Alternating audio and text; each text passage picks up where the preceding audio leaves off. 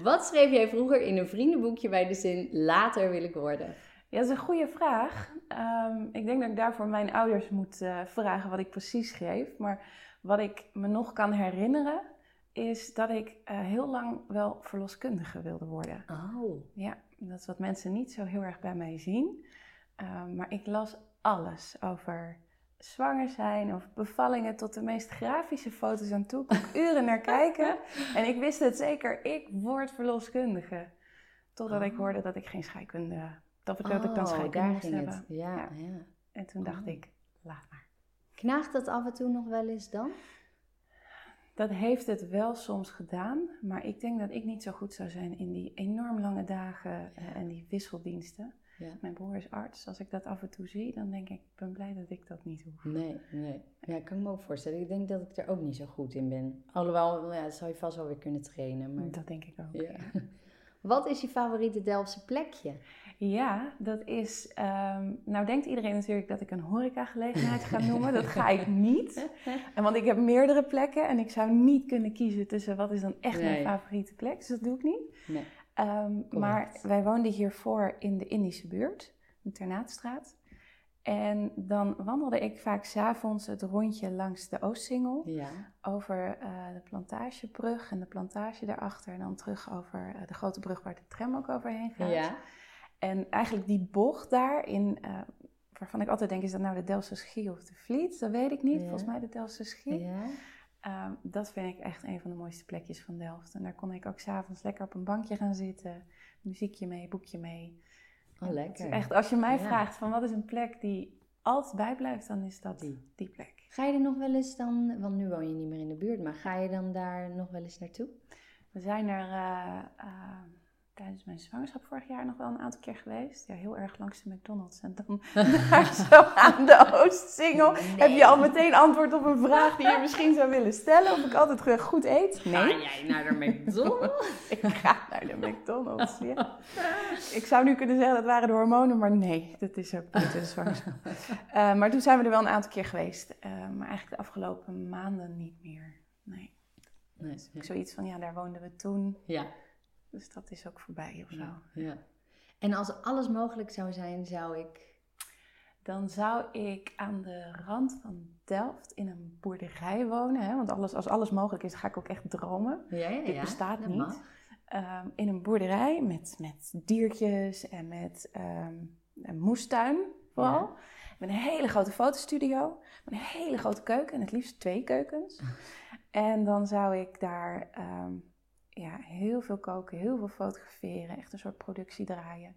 Maar daarnaast ook langs heel veel restaurants om daar te gaan fotograferen. En, eh, maar tegelijkertijd ook dan hele dagen in mijn moestuin. En eh, bij de diertjes kunnen blijven, balans. zeg maar. Ja. Echt die balans. En ja. twee keukens, één om productie te maken en de ander gewoon je privékeuken. Ja. ja. Ja, en eentje dan ook die echt, laten we zeggen, insta-waardig is. Dus echt zo'n hele mooie keuken. Waar je echt mooie foto's kan maken. Nice, nice. We gaan beginnen.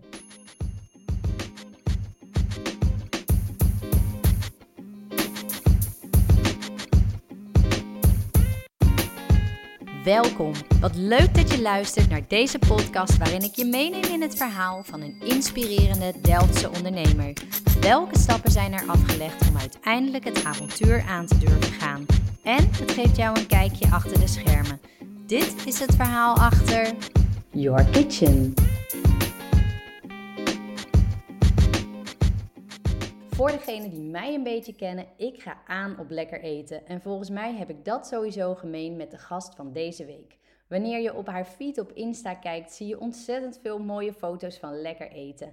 Ik kan me maar moeilijk inhouden om een hap te nemen wanneer er eten voor me staat. En wanneer ik een foto maak, ziet het er meestal niet eens zo lekker uit. Zij is foodfotograaf, receptontwikkelaar en redacteur. En dan ook nog eens moeder van een tweeling van 9 maanden oud. Hoe zien haar dagen eruit? Eet zij altijd lekker? En heeft zij misschien nog praktische en lekkere tips voor ons?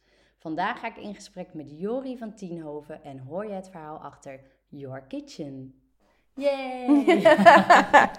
Wat leuk dat je er bent! Dankjewel! Ja. ja, we hebben het al een beetje gehoord, McDonald's dus. Ja. dan gaan we straks even verder. Maar, eh, ja, wat is Your Kitchen? Want eventjes voor de luisteraars, zij zien niet hoe je het schrijft. Nee. Nee. Dus het is J-O-O-R. Ja. En dan kitchen. Ja. Wat is het? Ehm, Wie ben je? Wie ik ben, eh, dat is een grote vraag. Maar wat ik, wat ik doe voor eh, Your Kitchen is eigenlijk alles tussen taal, beeld en eten in. Ehm, ik ben van huis uit, eh, heb ik Nederlands gestudeerd, ben ik Neerlandica, heb ik twaalf jaar voor de klas gestaan. Ehm, maar er zit ook een hele creatieve kant aan mij, eh, die ik deels wel voor de klas kwijt kon, maar deels ook niet. Mhm. En ik hou van lekker eten en ik hou heel erg van fotograferen. En dat is een paar jaar geleden echt een soort van bij elkaar gekomen. Ja. Had je ook zo'n opkomst in, in foodblogs. Ja. En eh, ben ik eigenlijk heel klein begonnen aan de keukentafel met... Ja, hoe zet je nou een bordje eten lekker op de foto? Ja. En eh, hoe schrijf ik daar een smakelijke tekst bij? En eh, ja, waar bestaat een recept eigenlijk uit? Eh, hoe maak je nou lekker eten? Dus eigenlijk is dat een soort van uit een nieuwsgierigheid ooit, ooit ontstaan. Ja. En toen dacht ik, ja, daar moet nog een naam bij. En ehm, ik noem mezelf eigenlijk nooit meer Jori. Dit vinden mijn ouders niet leuk om te horen, maar die naam vond ik gewoon eigenlijk nooit zo mooi. Ja. Ehm, dus eigenlijk noem ik mezelf altijd al sinds, nou, ik denk sinds tien was, al Jor. Mijn beste vriendinnetje heette Carlijn en die noemde ik Car, dus wij waren Jor en Car. En eigenlijk heb ik mezelf altijd zo voorgesteld als Ja. ik ben Jor. En daar ben ik toen mee ja, aan de slag gegaan, talig typje. En toen kwam ik op Your Kitchen uit, wat dus de keuken is van Jor, ja. maar wat klinkt als jouw Ja. keuken. ja. En wat ik dan het, daarmee ben ik dus ooit begonnen met, ehm, ja, je kunt veel meer in jouw keuken dan je denkt. Als je maar durft fouten te maken. Ja. En daar, daar komt eigenlijk de naam vandaan. En dat is ook in het kort wat ik, eh, Ja, wat ik heel doe. leuk. Dus Ja. toch ook weer dat stukje taal, hè? Ja, Dat, eh, zeker. Maar dat gaat ook nooit weg. Dat zit in me. Nee. Leuk. Maar ja, je vertelde dan dat je, dat je eh, op... Is het, was het een middelbare school? Nee, een hbo. HBO. En dat deed je dan ook nog terwijl je die receptjes aan het maken was aan het begin? Ja, ik ben, ehm, even kijken hoor, toen ik 24 was, dat is heel lang geleden. Ehm, ben je 23 nog was ik. Iedereen denkt nu dat je boven de Ja? 70 bent. Oké. ik denk, wat gaat er komen? nee, ik ben 38. Ehm, en ik ben volgens mij op mijn 23 zoiets voor de klas begonnen. Wel eerst eh, anderhalf jaar bij een middelbare school. En daarna ben ik overgestapt naar het HBO. Opleiding communicatie op de Hogeschool Leiden. En daar heb ik uiteindelijk negen jaar voor de klas gestaan. En ben ik Oh. die eerste, jaar begonnen, eerste jaren begonnen met ja, eigenlijk hele basic vakken bij de opleiding communicatie. Dus grammatica, leesvaardigheid, schrijfvaardigheid, dat soort dingen. Ja. Ja, en als je dat in jaar drie, vier nog een keer gaat doen, op een gegeven moment is de uitdaging daar wel uit. ja. En eh, het communicatievak heeft mij ook altijd wel heel erg getrokken. Dus ik ben toen een communicatieopleiding gaan doen. En eigenlijk kwam toen rond die tijd, dus toen ik vijf jaar ongeveer voor de klas stond, kwam ook dat fotograferen boven en het zelfschrijven. En heb ik dat eigenlijk ook als een soort van creatieve uitklep gezien naast mijn gewone Ja. werk. Ja. Ehm, maar het mooie is, is dat dat op een gegeven moment in elkaar verweven is geraakt. Dat ook mijn blog en alles wat ik daarvoor deed ook een soort van visitekaartje werd. Waarmee ik kon laten zien van ja, ik kan Ja. meer dan alleen die basisvakken geven. En Ja. ik heb inmiddels ook een opleiding communicatie achter de rug en een fotografieopleiding ben ik toen gaan doen. Ook omdat ik de ruimte had, Wat leuk. Ja. omdat ik al vier jaar gewoon eigenlijk hetzelfde programma draaide. Ja. En dat heeft uiteindelijk in die laatste vier, vijf jaar op de Hogeschool Leiden echt wel heel nieuwe kansen gegeven. En kon ik andere vakken gaan geven, met andere mensen gaan samenwerken. Dus dat, het is een beetje hand in hand gegaan. ja. En eh, ja, Ja, wel het mooiste, want dat, dat doe ik ook wel met coachingstrajecten, dat, dat je zoveel mogelijk van die leuke dingen Ja. mag gaan doen. Ja. En als daar een combinatie van te maken is, dan is dat natuurlijk ideaal. Ja, ja. Ja, ja ik zei altijd, mijn, mijn grootste... ehm, ja, mijn, het- wat ik altijd het meest jammer vond vroeger, was dat ik eigenlijk nooit ergens duizend procent goed in was. Ik zei altijd, ik ben geen ehm, specialist. En dat vond, Nee. dat vond ik altijd heel jammer. Totdat ik op een gegeven moment, en dat is pas van de laatste paar jaar, dacht van ja, maar ik kan heel veel dingen goed. ja. En dat maakt mij een generalist en niet een specialist. En Ja. dat ben ik toen gaan, soort van gaan uitbouwen. Van Ja. wat kan ik dan allemaal, wat vind ik leuk en hoe kan ik dan mijn eigen ja, plaatje samenstellen met Ja. de dingen die ik leuk vind om te doen. Leuk. En wie, wa wie was dan, of waren, jouw, jouw voorbeelden van toen? Want jij zei ja, die foodbloggers die kwamen toen net een beetje eh, op. Eh, waar ik toen heel veel naar keek is, ehm, ik zat toen heel erg in de lichte fotografie. Dat vond ik eh, echt heel mooi. Dus de Donna Hay fotografie, voor Ja. de mensen die dat kennen. Ja. Dat hele lichte, een beetje blauwige. eh, dus dat vond ik heel mooi. En, en tegelijkertijd had je foodblogs zoals Francesca Kookt en Uit Ja. Pauline's Keuken en Brenda Kookt. En die net een beetje upcoming waren. ja. Die net een eerste boek uitbrachten, bijvoorbeeld een receptenboek, kookboek. Ehm, en dat deden met hele simpele recepten. En, Ja. en dat vond ik nieuw en anders. Omdat je tot die tijd ging je naar Delicious of naar dat soort bladen. En daar stonden dan recepten in met, met 15 of 20 ingrediënten. Waarvan je dacht, ja, dat haal ik één keer in huis. ja. Daarna doe ik er nooit meer iets mee. ja. En juist, Wat ook leuk is, maar niet iedere avond haalbaar. Nee, nee, en ik stond toen ook nog voor de klas. Dus ja, Ja. ik wilde niet iedere avond eh, lang in de keuken staan. En op mijn vrije dagen wilde ik zes recepten op de foto kunnen zetten in plaats van eh, twee of drie. Ja. Ja. Dus dat, dat soort mensen die toen echt eh, lieten zien van, nou weet je, iedereen kan koken en dat kan met vijf ingrediënten. Ja. Ja, dat vond ik wel heel bijzonder. En toen dacht ik, ja, dat moet ik toch ook kunnen. Ja. Dus dat, ja, ik ben dan ook wel benieuwd, hè, want er, er bestaan zoveel gerechten. Ja. En heel veel dingen lijken misschien wel op elkaar. Hoe lastig is het om vernieuwend te zijn? Of dat je denkt van, oh ja, dat voelt een beetje gepikt of zo. Is dat überhaupt bij, onder elkaar of is dat gewoon niet zo? Nou ja, er is. ehm, kijk, wat je nooit mag doen, is een eh, heel recept van iemand anders overnemen en zeggen dat jij dat hebt bedacht. Ja, Wat je ehm, wel kunt doen, is zeggen: eh, dit recept komt daar vandaan. Ik heb er eh, dit soort dingen aan veranderd. En het is eigenlijk een soort van mijn eigen recept nu geworden. ja. Maar dat is altijd een heel lastig vraagstuk. Van wat is nou, wanneer is nou je eigen recept en wanneer niet? Hè, bijvoorbeeld als je een Snickers namaakt. Ja, een Snickers bestaat altijd uit eh, karamel, pinda's en, eh, en dat zachte spul onderin en chocola. Chocolade, ja. Dus ik kan niet zeggen, ja, ik ga een Snickers maken en ik ga daar heel vernieuwend in zijn. Nee. Ja, misschien als ik een Snickers muffin bedenk of een noem maar wat. Ja. Maar ook dat is allemaal al bedacht. Ja. Hè, dus het gaat ook vooral om, ehm, ja, hoe breng je dat recept? Hoe schrijf je het op? Welke foto's maak je erbij? Ehm, daar kun je wel vernieuwend in zijn. Ik heb wel een eigen fotografiestijl. ja. En ik probeer bij ieder recept natuurlijk eh, iets anders dan anders te doen.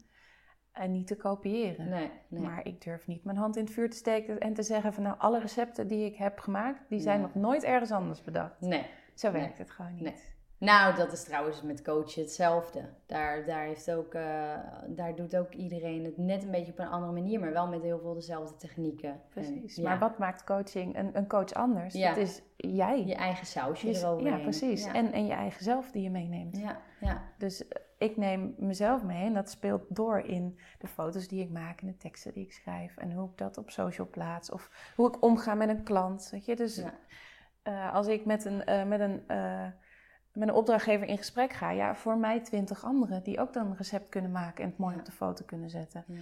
Maar ja, wat maakt dat een klant dan voor mij kiest? Ja, misschien omdat ze mij gewoon aardig vinden of leuk of omdat ik dichtbij zit. dat is ook zeker zo. De gunfactor heb je ook. Precies. eh, ja, die klik moet er toch ook zijn. Ja. ja, want hoe zit dat dan bij jou? Want je hebt opdrachtgevers, maar je hebt misschien ook ehm, eh, klanten nodig die jouw recepten, zeg maar, zoeken. Hoe, dat is best wel ingewikkeld. Je moet je op twee eh, niches eigenlijk richten. Hoe, Ja. hoe werkt dat dan bij jou? Nou, ik ben eigenlijk sinds twee jaar eh, opgehouden met mezelf foodblogger noemen. Ja? En je hebt de hele grote foodblogs, die maken echt recepten voor volgers. Ja? En halen daar ook hun inkomsten uit. Dus door samen te werken met opdrachtgevers en eh, daar ehm, recepten met bepaalde producten bijvoorbeeld op hun website te promoten. Ja, en dan zijn die Op opdrachtgevers de, ehm, de merken bijvoorbeeld. Ja. Ehm, en dat is dus een, een manier, eh, die halen bijvoorbeeld ook met advertentieinkomsten of met dat soort samenwerkingen halen ze hun eh, inkomsten Ja. binnen. Wat ik liever doe, en dat weet ik ook pas sinds eh, anderhalf, twee jaar, Ja. is eh, voor een opdrachtgever recepten ontwikkelen. Dus dat zijn, ik maak heel veel recepten per week. Ik zet Ja. er ook heel veel op, eh, op het web, Ja. maar eigenlijk nooit op mijn eigen website of weinig op mijn eigen website. Omdat ik dus, ik ga met een, een, een merk in gesprek en die hebben een eigen website en die willen laten zien wat je met een bepaald Oh, product kunt zo, doen. Ja. Dus En- die opdrachtgevers zijn dan ook merken. Ja. Ja. En dat zijn ehm, op dit moment bijvoorbeeld eh, best wel wat merken uit het Westland. We zitten hier natuurlijk echt op een Ja. hele mooie plek. Waar heel veel mooie groenten en fruit en zaden en dat soort dingen worden Ja. eh, gemaakt en, en verbouwd. Leuk. Ik kom uit het Westland. Ik kom uit de Lier. Ah, maar, kijk, ja. En ook uit de kassen, maar dan van plantjes. nou ja, dat is ook heel groot Ja. hier zo. Ja. Nou ja, dan weet je dat er gewoon ook heel veel eh, ehm, ja, producenten zitten met eigen website, met eigen producten. Waarvan ze eigenlijk zeggen van ja, we hebben hier, nou noem eens wat, een aubergine. Mhm. En we merken eigenlijk dat de mensen eh, dat product niet kopen, omdat ze niet weten wat ze Ja. ermee moeten. Ja, En ik denk dan, nou, ik heb zo al twintig ideeën in mijn hoofd. ja, Ehm, en dan ontwikkel ik dus een recept voor de doelgroep van dat merk. En dan wordt dat recept dus ook gedeeld op de socials en op de website van dat merk of die producent. Oh ja, En dus niet op mijn eigen website. Nee. Want ik denk dat die markt eigenlijk wel verzadigd is. Ja. Er is zoveel. Ja, Dus ik doe het af en toe wel, maar dan zie ik het meer als een... eh, en mijn website is mijn portfolio. Dus je kunt zien wat voor recepten ik maak, wat voor foto's ik maak en welke tekst ik schrijf. ja. En, en ja, dus die, die opdrachten, dat gebruik je ook wel voor je eigen site natuurlijk. Ja. Ja. Ja. Leuk. En wanneer is dan het, dat keerpunt geweest dat je bent gestopt met eh, lesgeven? Ja, dat eh, is nog even met wat horten en stoten gegaan. Want ik ben, en dan moet ik even goed nadenken, volgens mij in deze oktober, komende oktober, al vier jaar terug gestopt met eh, lesgeven op het HBO. Ja. Pijn in het hart. Ik wilde dat eigenlijk liever niet, want ik vind lesgeven is nog steeds Oh, ja. een van mijn grote liefdes. ja. Ehm, maar, en dat is best een persoonlijk verhaal, maar niet één wat ik niet wil vertellen. Wij zaten op dat moment in een fertiliteitstraject. Ja. En dat was heel moeilijk te combineren met eh, lesgeven. ja. Ik heb meerdere Want dagen. je moest iedere keer naar het ziekenhuis. Ja. En, ja. Ja. Oh, ja. Ze hadden op een gegeven moment in het ziekenhuis speciaal voor mij een tijdslot om geloof ik tien over half acht 's morgens, zodat ik om half negen voor de klas stond. En ik merkte dat ik niet alles meer kon geven voor Nee. de klas. Nee. Dus toen kon ik aan de slag als, eh, heb ik nog een tussenstap gemaakt, als studie, eh, ehm, studieadviseur op de universiteit, Universiteit Leiden. Dat heb ik denk ik negen maanden gedaan. En toen kwam ik erachter van ja, dit is het niet. Nee. Ehm, ik miste echt die creativiteit. Wat je wel nog voor de klas kunt doen, eh, maar niet als, als studieadviseur. Nee. En toen in die tijd eh, nam ook Brenda van Brenda Kookt contact met Ja. mij op. En die zei, ik zoek iemand die eigenlijk een paar recepten per maand voor mij zou willen ontwikkelen. Kijk. En dat was voor mij het moment om in te gaan schrijven bij de KVK. Ja. En om dat te gaan doen. En toen ik dat aan het doen was, en er kwamen uiteindelijk ook nog wat opdrachtgevers bij, merkte ik van ja, ik moet in ieder geval wat, wat met eten gaan doen. Ja. En met koken en met. Dus toen heb ik nog een jaar voor Marlies Spoen gewerkt als receptredacteur en copywriter. Ja. En daar merkte ik van ja, dit is wel de goede omgeving. Ja. Maar ehm, ik wil zelf ontwikkelen. Ik wil niet vrijheid. teksten van anderen Ja. eh, nou ja, redigeren en doen. En ik wil die vrijheid, ook omdat we op dat moment richting een IVF-traject gingen. Ja. Ik wil ehm, mijn eigen tijd in kunnen delen. En eigenlijk weet ik al heel lang dat ik dat wil doen voor mijn eigen bedrijf. Maar ik heb het nooit gedurfd. Nee.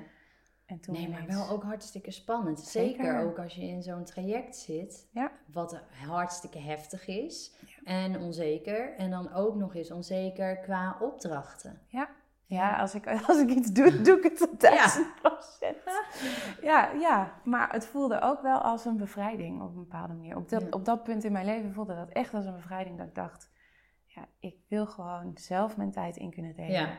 Aan de slag met verschillende soorten opdrachtgevers. Ja. Ik ben een soort chameleon. Ik vind het heerlijk om te kijken wie heb ik tegenover me en hoe kan ik jou helpen. Ja, ja. Ehm, maar niet 40 uur in de week meer. Ehm, en ja, dus het, het was ook een bevrijding om dat Ja. eindelijk toe te geven aan mezelf. ja. Maar de- die stappen dan daarvoor, want jij hebt ook moeten denken, ga ik dit wel doen? Hoe ga ik het, in ieder, hoe ga ik het voor elkaar boksen? Ja. Je had misschien ook last van je hormonen, waardoor je niet helemaal op je eigen gevoel durft te vertrouwen. misschien heeft, ja. dat de doorslag gegeven. nee. nee, ik denk dat ik wel geleerd heb, ook in dat traject. Ehm, er gaat namelijk iets in je leven al zo moeizaam Mhm. dat je, in ieder geval ik, Ja. dacht van ja, ik moet ook niet die moeizaamheid op alle andere Ja. delen van mijn leven gaan opzoeken. Dus daar gaat het moeizaam. Hoe kan ik het voor mezelf, ehm, ja, dat klinkt een beetje gek, maar nog zo leuk Ja, mogelijk ja, ja, maken? ja, ik snap het helemaal. En, en daar kwam ik dus, want ik, ik was eigenlijk voordat ik bij Marley Spoon ging werken, had ik al met eh, mijn vriend Jurgen besproken, ik ga voor mezelf starten. Ja. En toen kwam Marley Spoon om de hoek kijken. En dat was in eerste instantie voor twee dagen per week. Dus ik dacht, dan kan ik daarnaast. Dat was een mooie tussenvorm. Ja. Ik durfde het toch nog niet helemaal. Dus dan ga ik ergens part-time aan de slag. En dan ga ik de rest van de tijd aan de slag met mijn eigen opdrachten. Maar die namen op een gegeven moment gewoon de overhand. Ja. En toen dacht ik, ja, ik kan nu twee dingen doen. Ik kan helemaal daarmee stoppen. Of ik ga er vol Ja. voor. ja, En dat heb ik gedaan. wat goed. Ja, Ja, dat, dat is gewoon zo. Als je ergens een deur sluit, dan openen de andere. Ja. zeker. Ja. En dat, eh, dat is wel heel erg spannend. Daar moet je wel vertrouwen. Ja, nou ja, Ja. zeker omdat dat in, eh, moet ik even, zeggen, even goed kijken, november 2019 was.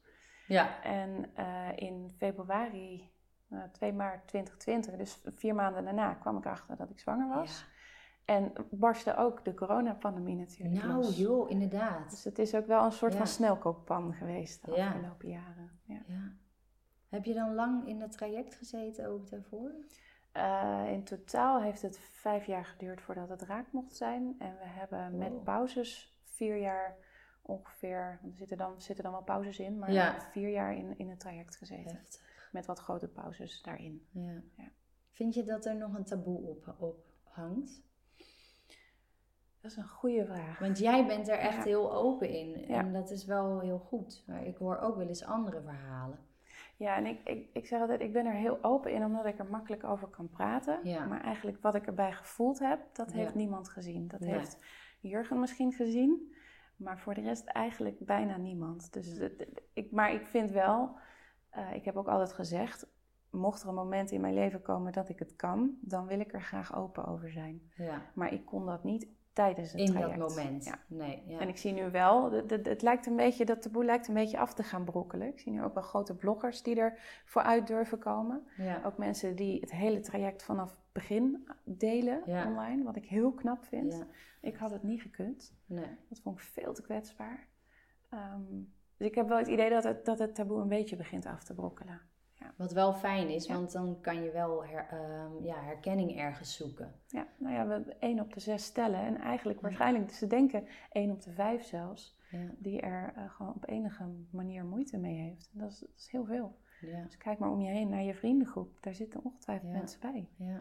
En misschien zeggen ze er niks over, maar bestaat het wel. ja, zeker, zeker. En, ja, en dan is het dus zover. Ja. En dan, is het, en dan barst ook nog eens corona. Ja. Dus dan ben je gelukkig en wil je het van de daken schreeuwen. Maar je bent misschien ook wel extra voorzichtig. Want Ja. je denkt, dit moet ik beschermen. Ik heb, we zijn met 35 weken in één dag geboren. Ik heb ook echt 35 weken in één dag mijn adem ingehouden. Ja. Dus dat, Oh. dat, dat, dat merkte ik ook echt daarna aan, aan mijn lijf. Die, die schouders helemaal zo vast. Ja. Want het is, ja, je hebt er vier jaar lang voor gewerkt Ja, voor je gevoel. ja. Dus je wil het niet kwijtraken. Nee. Want je weet ook, dan komt het niet meer. Nee. Als het nu niet lukt, Ja. dan gebeurt het niet meer. nee. En je hebt nu een hele mooie twee. Zeker, zeker. Echt, ja. En je omarmt de poepluiers en de slapeloze nachten waarschijnlijk. Want jij denkt iedere dag, ik ben gelukkig met die twee. Zo werkt het echt. nee. nee. Maar ik merk wel dat ik sneller kan, en misschien is dat ook de leeftijd hoor, maar dat ik sneller kan relativeren. En dat ik denk, oké, ja, vannacht was ik om vier uur wakker, gisteren om vier uur. Volgende week is het weer anders, weet je. Ja. Ehm, maar het is niet zo dat ik 24-7 denk, oh, ik ben zo blij dat me dit eindelijk gelukt is. Ik heb Nee, ook gewoon tuurlijk. momenten dat ik denk, jeetje Mina, waarom wilde ik dit? Ja, ja, ja, ja. En dat is heel snel weer voorbij, gelukkig. Ja, Maar, ja. ja. Ja, het is toch wonderlijk hoe dat werkt, hè? Dat alles wat ze met je doen, dat vergeef je ze. En dan denk je, oh ja, maar jullie zijn zo schattig. Ze hoeven maar één keer te lachen en dan is het... eh, En dan hebben we er ook nog twee, hè? Dus als, Ja, je, ja, als je boos bent op één en de ander lacht, is het ook alweer voorbij. Ja. Dat is toch wel weer heel makkelijk. Ja, het is maar goed dat de natuur zo werkt. Zeker. Ja. Zeker. Nou, en, en dan in die tijd, want dan wa- was ook de horeca dicht. Waar, ik neem aan dat je daar ook je inspiratie wel vandaan haalt. Zeker. Hoe, hoe ging dat dan? Ehm, nou ja, wij waren ehm, voor corona echt van het uit eten gaan. Ehm, we wilden minimaal één keer per jaar naar een sterrenrestaurant. Ook om te kijken van ja, hoe pakken uh, dat soort sterrenchefs smaakcombinaties aan en kunnen we daar nou ja, nog wat inspiratie uit halen. En ik zeg we omdat Jurgen ook graag kookt en dat ook heel leuk vindt. Leuk. Uh, of vond eigenlijk, want nu kookt hij iedere avond.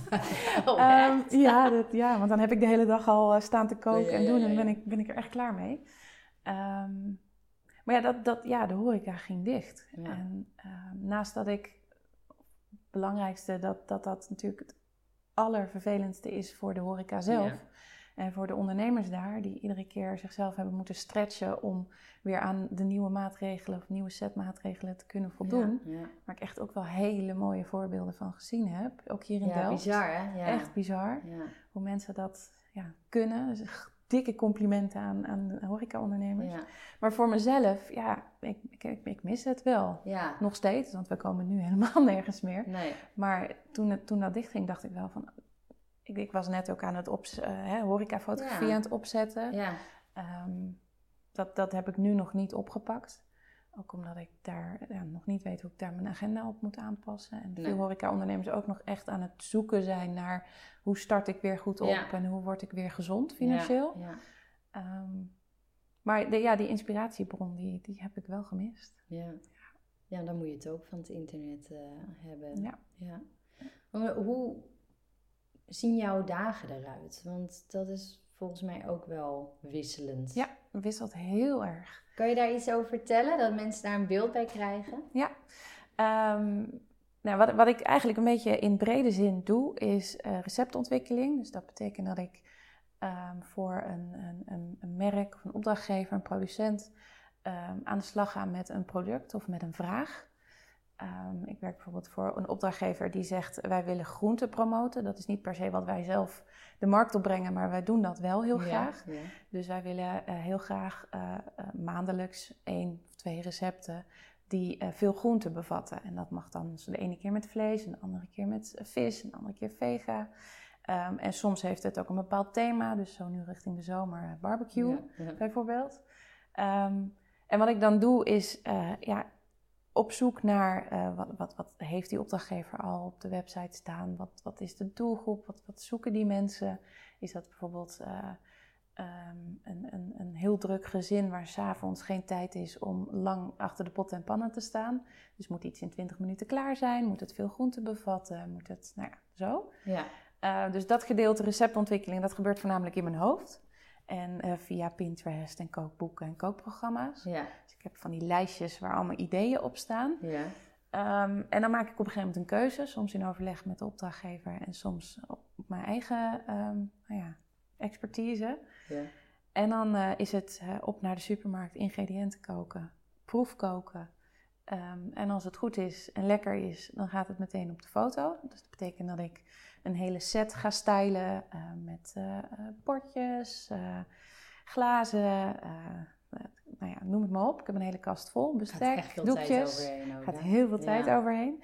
En dan nog fotograferen. En dan komt natuurlijk nog het gedeelte fotografie, nabewerking en het uitwerken van het recept. Plus het schrijven van een tekst erbij. En uh, de ene dag zijn dat uh, zes recepten. Soms is het er maar één.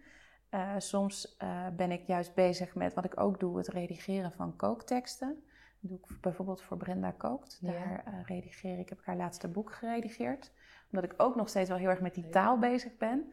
En inmiddels ook dankzij Marlie Spoon en, en alle ervaring die ik heb opgedaan met recepten zelf schrijven, ook weet waar, waar je op moet letten als je een goed recept wil schrijven. Ja. Um, dus ja, daar kan een, hele dag ook uit bestaan. Kan ook bestaan uit lever 50 receptideeën aan. Nou, dat gebeurt dan ook weer op papier en in mijn hoofd. Um, en wat ik ook doe is, uh, hier heb je een product en wil je dat product um, in gebruik op de foto zetten. Dus dat is dan geen receptontwikkeling, yes. maar fotografie. Bijvoorbeeld nu voor een uh, olijfoliemerk, nou, dan willen ze de, uh, de fles goed op de foto hebben staan. Maar ze willen ook laten zien wat je met die, met die olijfolie kunt doen. Ja. Dus dan kook ik iets ja. en dan pak ik gewoon een recept van internet. Want er staat toch geen recept bij die uiteindelijke foto. En die foto kan dan bijvoorbeeld gebruikt worden voor marketingdoeleinden of voor de socials of de website. Dus dat is een beetje, ja, mijn, mijn dag weet ik ongeveer een week van tevoren hoe mijn dagen eruit zien. En wat ik voor welke opdrachtgever doe. Maar het heeft altijd iets met taal en fotografie en eten te maken. Eet je het ook altijd op? ik denk dat ja, het is dan is het koud. Zeker. Uh, maar kan ik je één insight, um, of een beetje insight information in foodfotografie geven. Ja. Um, op de foto lijkt alles twee keer zo groot. Ja. Dus dat betekent dat al mijn eten wat ik op de foto zet, dat staat op ontbijtbordjes en soms zelfs op gebaksbordjes. Ja. Ah, ja. Um, dus het lijkt vaak veel meer dan Nee. het is. Ja. Um, maar ja, als je natuurlijk zoiets als een taart bakt of een cake, ja, dat, dat kan je niet in mini-formaat bakken. Nee. En ik kan het ook niet allemaal opeten. Ik heb het geprobeerd. Dat werkt niet. Daar wordt je lijf niet heel blij van. Maar dan hebben we gelukkig een, uh, een buurtapp waar uh, Oh ja, wat goed. de een sneller komt aanrennen als er cake gebakken is dan Ja. de ander. En laatst had ik uh, heel veel aubergines Je over. woont toch ergens in de buurt, zei je net? ik word, je, mag in de, je mag in de appgroep, vind ik helemaal goed. ik, ik loop wel een blokje om. Nou, er zitten soms, het is niet dagelijks, absoluut Nee, ja. niet. En wat ik meestal uh, probeer te doen is, uh, als ik meerdere recepten maak, om een deel met de lunch op te eten, een deel met avondeten. Ja. Um, eerlijkheid gebied ook te zeggen dat er af en toe wel iets weggaat. Ja, Um, probeer ik niet te doen, maar is soms gewoon onvermijdelijk. Zeker als er niemand uh, op mijn oproepje afkomt, ja, dan gaat het toch helaas de bak ja, in. Ja. Maar het is altijd minder dan mensen denken. Ja. Oh ja, ik, ik denk dan echt, ja, als, ik, hou, ik ben interieur van de horeca. Ik hou van eten en drinken, altijd al geweest. Ja. Ik eet het liever op dan dat ik het ook maak. Dan moet ik er echt tijd voor hebben. Ja. Wat ging ik nou vertellen? Ja, dat, oh ja, dat als ik dan ergens zit en ik denk, oh, dit is zo lekker. Of het ziet er zo goed uit en ik maak een foto en denk echt altijd... Hm, nou, maar zo ziet het er niet uit. Laat ik het maar niet delen. Nee, Het is echt wel een vak apart. zeker. Ja. Ja, ja dat. dat um, ik denk dat je met tegenwoordig de, de smartphones en, en de camera's die erop zitten echt hele mooie foto's kunt maken. ja. Um, maar het grootste gedeelte doet toch eigenlijk het recept of het gerecht geen recht. Nee, toch? Nee, Ja. dat, is, dat is echt jammer. En dat zeg ik ook tegen horecaondernemers. Ja, je kunt zoveel um, mensen naar je plek toe krijgen als er mooie foto's zijn. Ja, dus ik kies zeker. het daarop uit. Ja. Op de menukaart en op de foto's die ik kan vinden van die menukaart. ja, want je denkt toch zo, dat ziet er goed uit, moet ik hebben. En als het eenmaal in je hoofd zit, tenminste bij mij, dan gaat het er ook niet meer uit Nee. ik het heb gegeten. Klopt, bij mij ook. Ja. Oh, wat erg eigenlijk zijn we. en wat zou jij dan eh, nog heel graag willen doen? Wat, heb, jij, heb je zoiets van, nou, als ik dat nog met Your Kitchen kan bereiken, dan, ja, dat zou wel echt een droom zijn.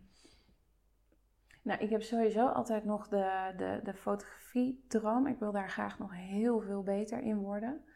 Ehm, ik wil in alle omstandigheden kunnen schieten. En dat, daar, daar heb ik gewoon nog veel meer eh, schietmeters in nodig, om het zo maar even te zeggen. Ik zou heel graag nog meer productie willen draaien.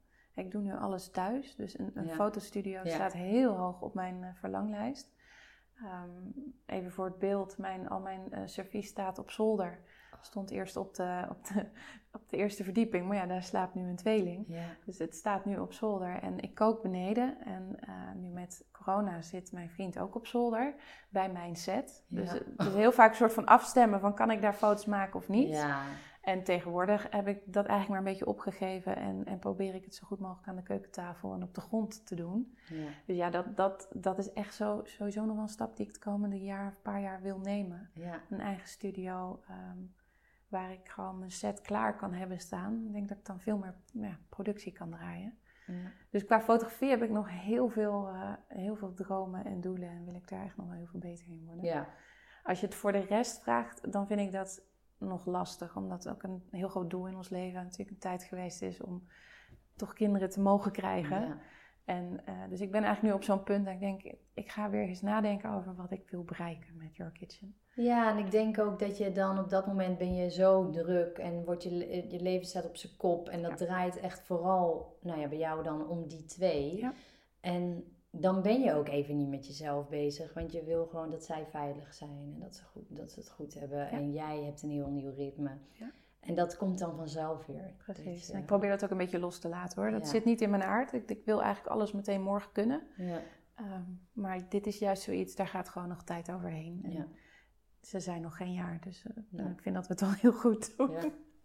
ja, en zij eten dus eh, Nee, ze eten nog niet met de pot mee, hè? Oh, dat vergeet ik. heb twee kinderen. Ik weet dit, maar ik ben dit ook weer vergeten. nou, met een jaar mogen ze alles, toch? Ja, ja, ja. dat doen ze nu dus nog niet. Ik wil zeggen dat de een, denk ik, de, de, het veelvraatgehalte uh, van mij heeft overgenomen. Die eet echt alles. Die zit letterlijk met één stronk broccoli in de ene hand en, en oh, een andere stronk in de andere hand. En maar, en maar bijten. En, en die is echt helemaal fan van wat je er ook voor zet. En uh, de ander, ja, die is daar gewoon nog iets minder aan toe. Dus die is vooral fan van boterham met pindakaas. Oh, ja. En dat vind ik ook helemaal prima. Tien keer proeven ze, zeggen ze volgens mij. Tien keer proeven en dan begin je Zou je het lekker kunnen gaan vinden. ja. ja. ja. Dus dat, dat duurt nog wel eventjes. Bij mij is dat pas, denk ik, om mijn dertigste gekomen of zo. Echt waar? Ja, ik, ik was vroeger best wel lastig eten volgens mij. Maar nu eet ik echt alles. Maar ik denk dat mijn ouders daar nog steeds anders over denken. Ik weet het eigenlijk niet. Ja, je vond het dan niet lekker? Of, uh... Ja, ik weet niet. Nee, nee. Maar ik denk ook dat ik dat hoe ouder ik werd, dat er ook steeds meer was. Ja. Dus ik, ik kreeg ander eten voorgeschoteld dan dat ik gewend was van mijn moeder. En dacht ik, oh, zo kan het ook. Zo lekker. mijn nee, moeder kan ook helemaal lekkere dingen maken hoor. Dit klinkt wel echt heel nee, maar dat klopt wel. Want ik ben, toen ik 17, 18 was, heb ik, ben ik gestopt met vlees eten. Ja. Ehm, en als je dan ergens uit eten ging, dan kreeg je een stuk gebakken brie of geitenkaas. Ja. En dat was het wel. Ja, nu is die vega overal echt wel uh, uitgebreid. En vegan zelfs. Je kunt echt alle kanten op. En mensen gaan ook inzien dat je heel veel met uh, groente en fruit kunt. Ja. En dat je al die vleesvervangers of vlees of dat soort dingen niet nodig hebt. Nee. En voordat mensen nu denken dat ik een enorme anti-vleeseter ben, dat ben ik niet. Zeker niet sinds mijn zwangerschap. Sindsdien eet ik dus gewoon weer oh vlees. Alleen uh, één of twee keer per week en dan vind ik het wel weer mooi geweest. Ja. Maar toen ik 18 was, toen ja, wilde ik echt niks aan vlees en dat soort dingen. En wat was dan de beweegreden van jou? Ja, dat is een goede vraag. Ehm, het, hij was in ieder geval niet enorm ideologisch ingegeven. Nee, uh, behalve dan dat ik op dat moment al weinig vlees at. En sowieso niks wilde eten wat uh, jong was. Dus geen kalfsvlees, geen lamsvlees. Ik at eigenlijk op een gegeven moment alleen nog maar kip en kalkoen. En toen dacht ik, ja, als het beter is voor die beesten en voor de wereld, waarom stop ik er dan niet helemaal mee? Ja. En ik moet zeggen dat ik nu ook nog voornamelijk ja, kip eet. En dan probeer biologisch en dat soort dingen te eten. Ja. Uh, maar als ik uh, een maand geen vlees eet, is het ook helemaal prima. Ja, ik nee, niet. Ik. Want je zei ook dat je, uh, dat ja, dat, hoe heet hij, Jurg? Jurgen. Jurgen, dat hij ook af en toe kookt nu. Ja. Uh, omdat jij het dan smiddags al uh, genoeg hebt gedaan. Of overdag, s ochtends kan natuurlijk ook. Om vier uur s'nachts.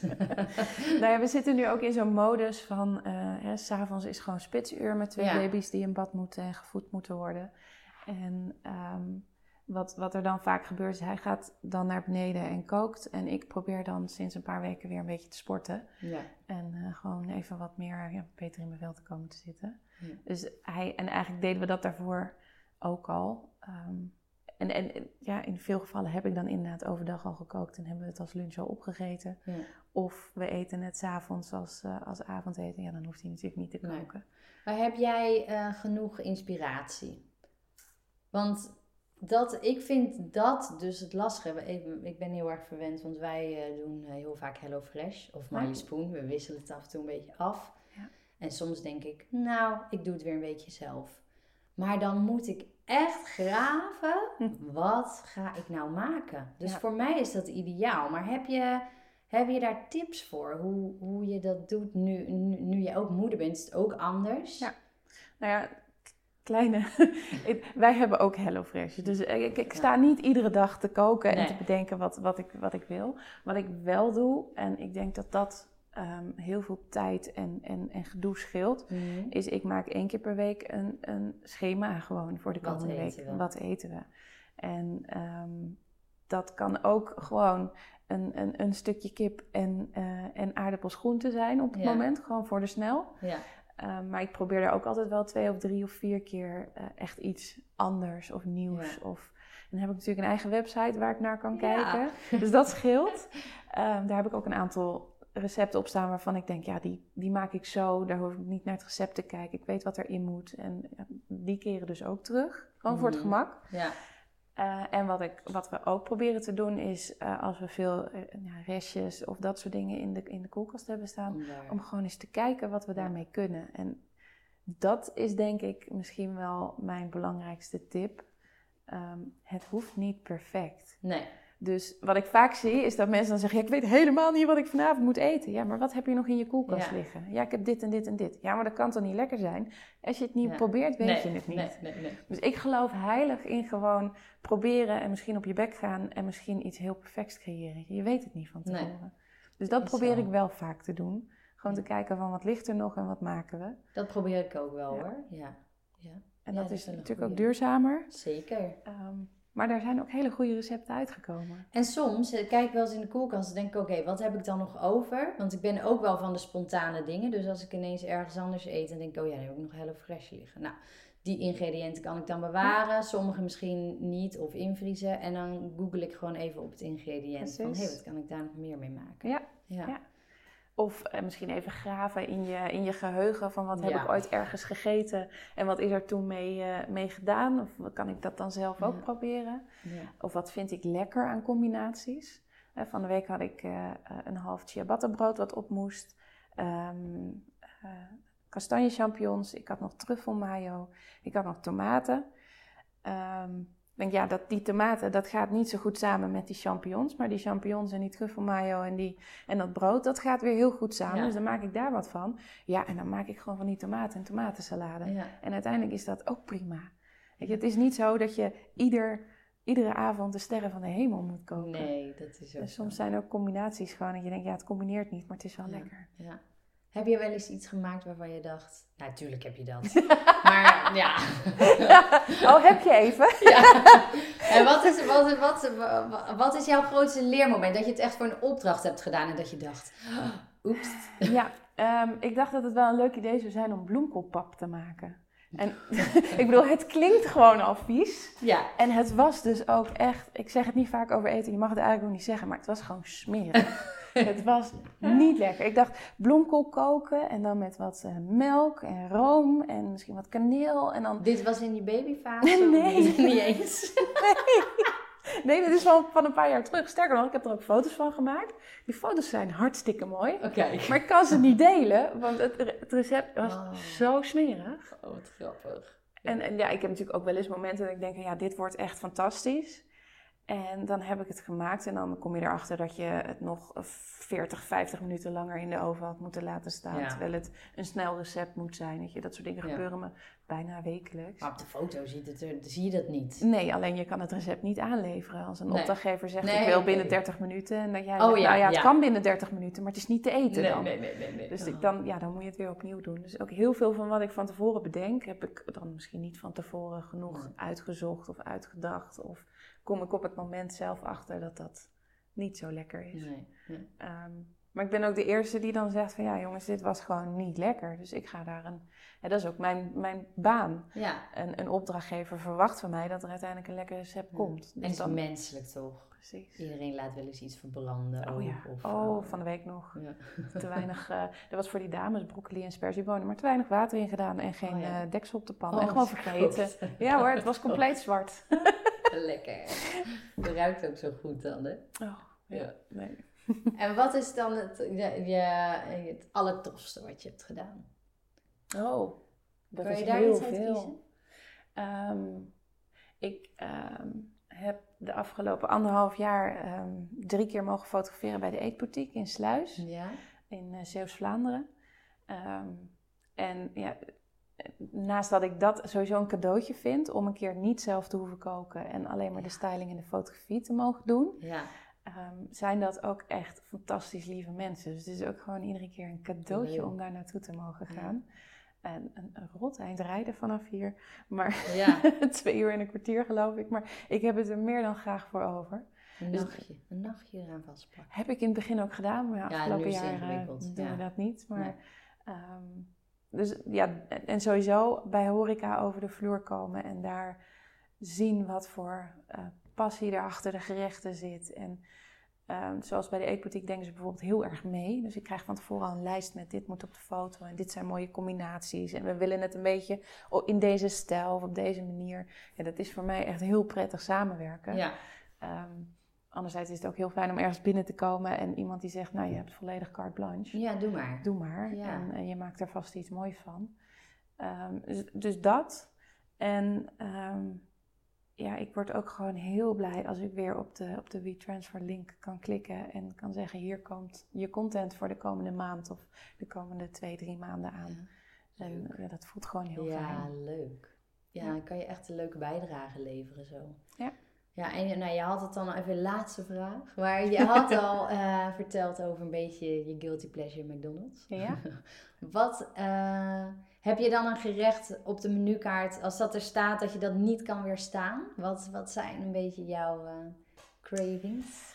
Ehm, ja, dat is een hele goeie, want dat verschilt dan weer per, per dag en per week. Ja, ik, ik kan in principe bijna alles. nemen. Maar ik ga altijd overstag voor meste avocado. Vreselijk. Oh, ja. Het is echt in die zin niet origineel, maar Nou, gewoon lekker. Ja. Eh, en zeker als het een beetje wat, wat is aangekleed of net iets bijzonders mee gedaan is. Een beetje ingekookte balsamico eroverheen of wat eh chilipeper erdoor of zoiets.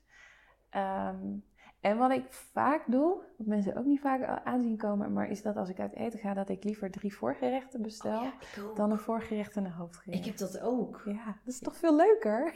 Ja, maar ik denk ook, ik vind die voorgerechten ook altijd lekker. En denk ik, oh ja, ik ben sowieso van het delen. Ik hou daarvan. Ja. Dan denk ik, oh, zie ik twee dingen en dan vraag ik altijd, wil jij eh, met mij delen?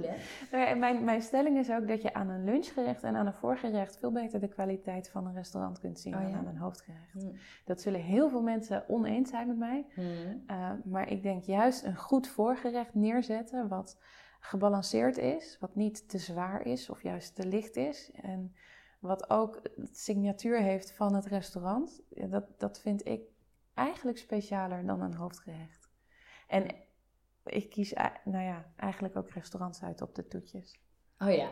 Niet op het hoofdgerecht of het voorgerecht. Dus wat kan ik niet weerstaan op de restaurantkaart? Ja, Toetjes. toetjes. En, en mijn vriend zal zeggen zoete aardappelfrietjes. Dat moet ik ook altijd hebben. Ja, ook lekker. Oh, daar hebben ze in Delft in ieder geval ook genoeg op de Ja, kaart staan. Ja, dan kan je ja. ook lekker eh, losgaan. Zeker. En eh, een boek? Nee. Nee. Nee, ja, Punt. heel duidelijk. Nee, nee. Ja, Ehm, ik denk dan, oh, taal, eten, logische combi. Ehm, als, als je een beetje kijkt naar, naar wat ik fijn vind om te doen, dan zul je zien dat dat altijd een soort van dienende rol is. Dus Ja. ik vind het heel fijn om te ondersteunen. Ja. En om iemand net dat duwtje de goede richting op te geven. Want mensen hebben ook gevraagd, van, wil je dan niet een eigen koffietentje of een eigen lunch? Hè? Naast dat ik denk dat ik dat niet eens kan. Dat dat een kwaliteit is die je echt moet Ja, hebben. heel anders, ja. En skills, dat, je, dat het niet even is van ik zet dat even op. Eh, denk ik ook dat je dat voor een kookboek moet hebben. Ja. En ehm, ik zeg nooit nooit, maar het is niet mijn ambitie. Ik vind het veel leuker om, eh, zoals laatst voor, voor Brenda, ehm, Brenda kookt, 50 recepten voor de nieuwe scheurkalender van vorig, ja. volgend jaar aan te leveren. Dit jaar staan er ook 50 in voor mij, Mhm. afgelopen jaar 40. Wow. Ehm, dat vind ik veel leuker. Of om de tekst te krijgen en die te redigeren en dan achterin te zien staan eh, eindredactie Leuk, ja, van Tienhoven. ja. Eh, of de foto's te schieten voor een boek. Ehm, wat ik ook al gedaan heb. Dan dat ik zeg, ik neem zo'n heel boek voor mijn rekening. En de recepten en de fotografie. En nee, laat Ja. mij helpen. Vind Ja. ik veel leuker. Leuk. Ja. En waar kunnen ze jou vinden? Sowieso. Heel goed, ja. Ehm, Voor recepten, maar ook dus voor opdrachten. Ja, eh, ze vinden mij op, of jullie vinden mij op yourkitchen.nl. Dat is J-O-O-R en dan kitchen op zijn Engels. Ja. En eh, dezelfde Instagram-handle heb ik eh, ook, dus yourkitchen.nl.